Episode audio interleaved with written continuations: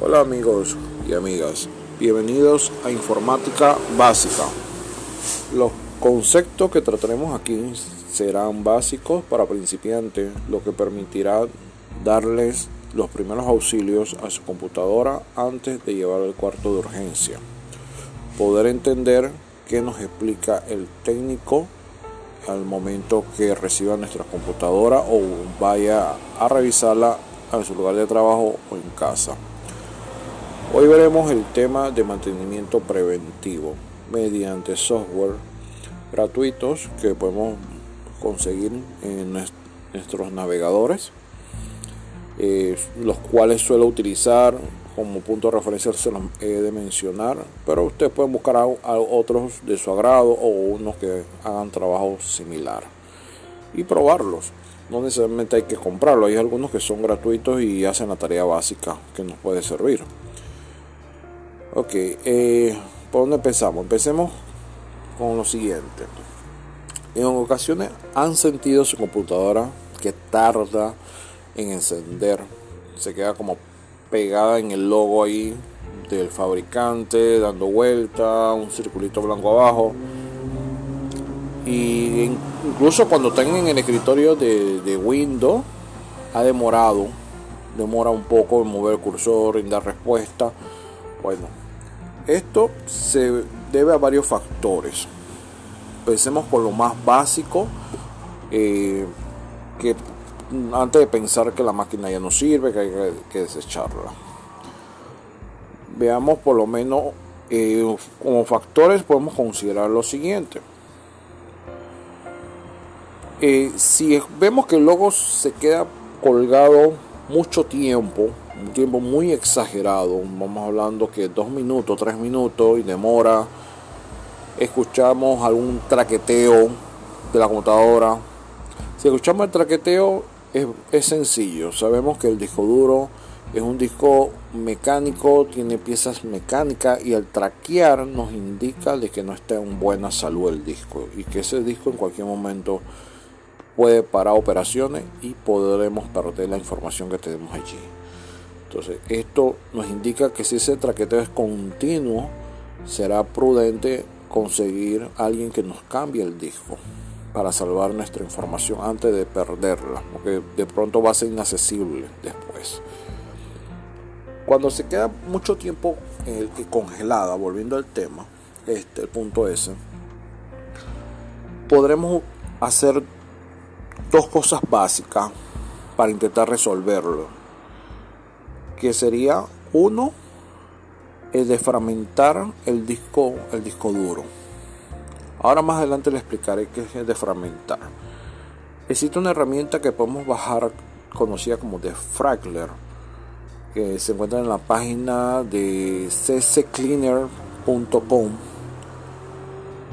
Este programa es gratuito y hay una versión paga también.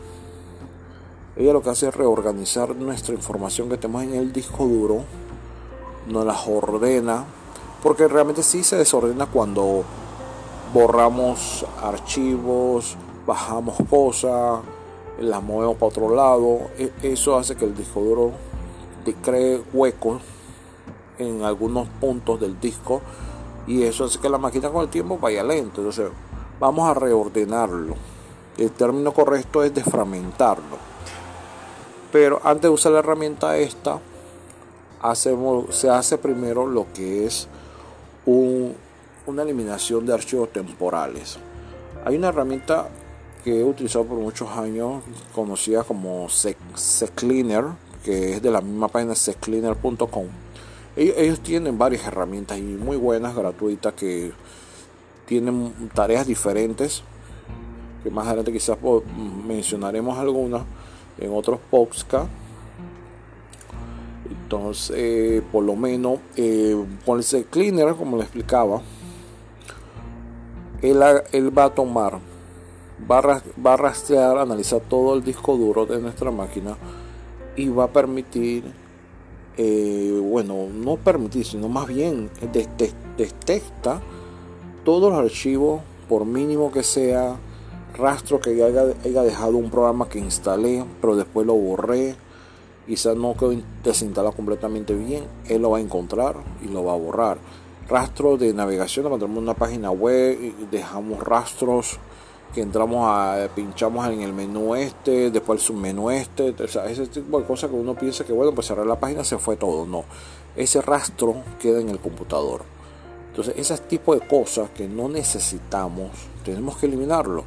Porque a veces incluso hay páginas que entramos por curiosidad y entonces esas páginas están contaminadas con virus o con un robot de búsqueda que te captura información eh, financiera de tu tarjeta de crédito, direcciones, otro tipo de cosas. Entonces este tipo de programa te va a permitir limpiar, eliminar esos rastros de, allí que tú no quieras, nada más tener las, el rastro de las cosas que a ti te interesa, es lo importante que has guardado en favorito, ¿no? Entonces se borra primero eso porque eso a su vez va a generarme espacios, eh, sectores o huecos en el disco duro vacíos nuevos ya del que ya tiene.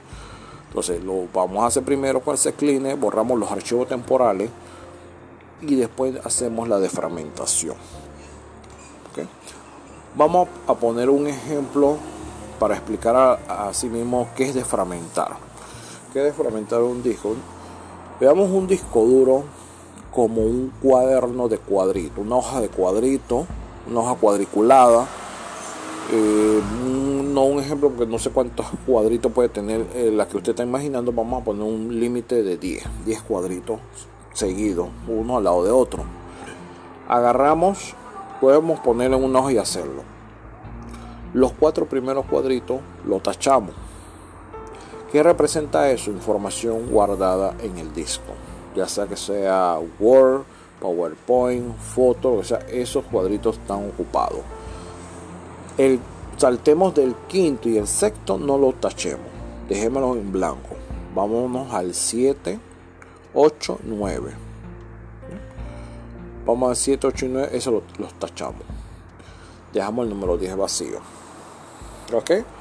Ahora no, así está ahorita nuestro disco, imaginadamente, estamos imaginando, ¿no? Entonces ahora vamos a Word. En Word venimos, hicimos una carta, la redactamos, corregimos, todo bien. Le dimos guardar. Él va a guardarla donde siempre la guardamos, en mi documento, claro. Pero eso, el, mi documento, la carpeta de mi documento pertenece a la estructura del disco duro. entonces ¿qué sucede? Cuando él va a guardarlo, él va a buscar en el disco duro los espacios en blanco donde él pueda almacenar ese, ese documento. Él va a comenzar a buscar, está viendo que del 1 al 4 están ocupados, no lo va a guardar allí porque ya, ya tiene información. Entonces en el quinto y el sexto que estaba en blanco, él va a guardarlo allí. Pero ¿qué sucede? Que en el quinto y sexto, a pesar que hay dos espacios, la carta se hizo tiene mucho contenido, muchas páginas y muchos factores, ¿no? No alcanza a guardar todo allí, pero él, no, no va a desperdiciar ese, esos espacios, él va a guardar lo que le alcance guardar allí.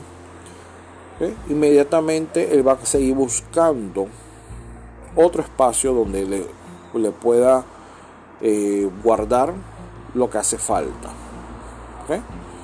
Digamos que guarden el 5 y el 6. Ya esos 5 y 6 ya no están libres.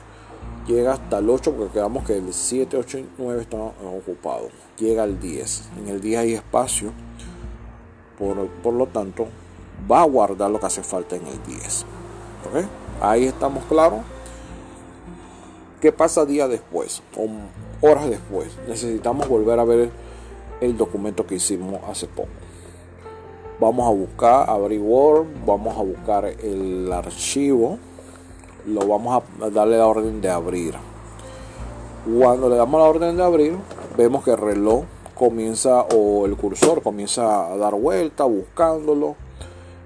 Ya lo tiene ubicado, a que ya lo seleccionamos y lo escogimos. Ya, sabe, ya sabe que es ese que usted quiere. Él va a comenzar a buscar en el disco duro. ¿A dónde está ese documento que usted le puso el nombre X? Lo va a buscar llega al punto 5 y 6, el cuadrito 5, 5 y 6, ve que aquí está el archivo dice, bueno, vamos a abrirlo. Él comienza el proceso de abrir, pero se percata el sistema que no está completo, que hace falta. Él tiene dos opciones. le manda un error en pantalla, un, en pantalla avisándole un mensaje en pantalla con un error diciendo que el archivo está dañado o, no sé, o seguirá o sigue buscando, que es lo, es lo que va a hacer, la lógica es esa, que va a seguir buscando antes de mandar algún mensaje de error, porque ya tiene la mitad, una parte, entonces sigue buscando hasta que en el punto 10 encuentra la otra parte.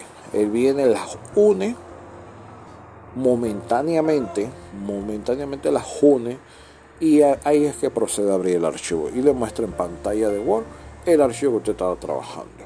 Entonces ahí es donde venimos y pensamos, oye, ¿por qué tan demorado para abrir este archivo? ¿Qué pasó aquí? ¿no? Esa es la pregunta que nos hacemos. Bueno, ahí donde entra en juego la defragmentación. La defragmentación va a buscar y va a reordenar todos los archivos similares. Él tiene un patrón de búsqueda y él sabe cómo hacerlo. Que él va a buscar todo lo que sean similares y lo va a lo más cercano para que el tiempo de búsqueda futuro sea más rápido.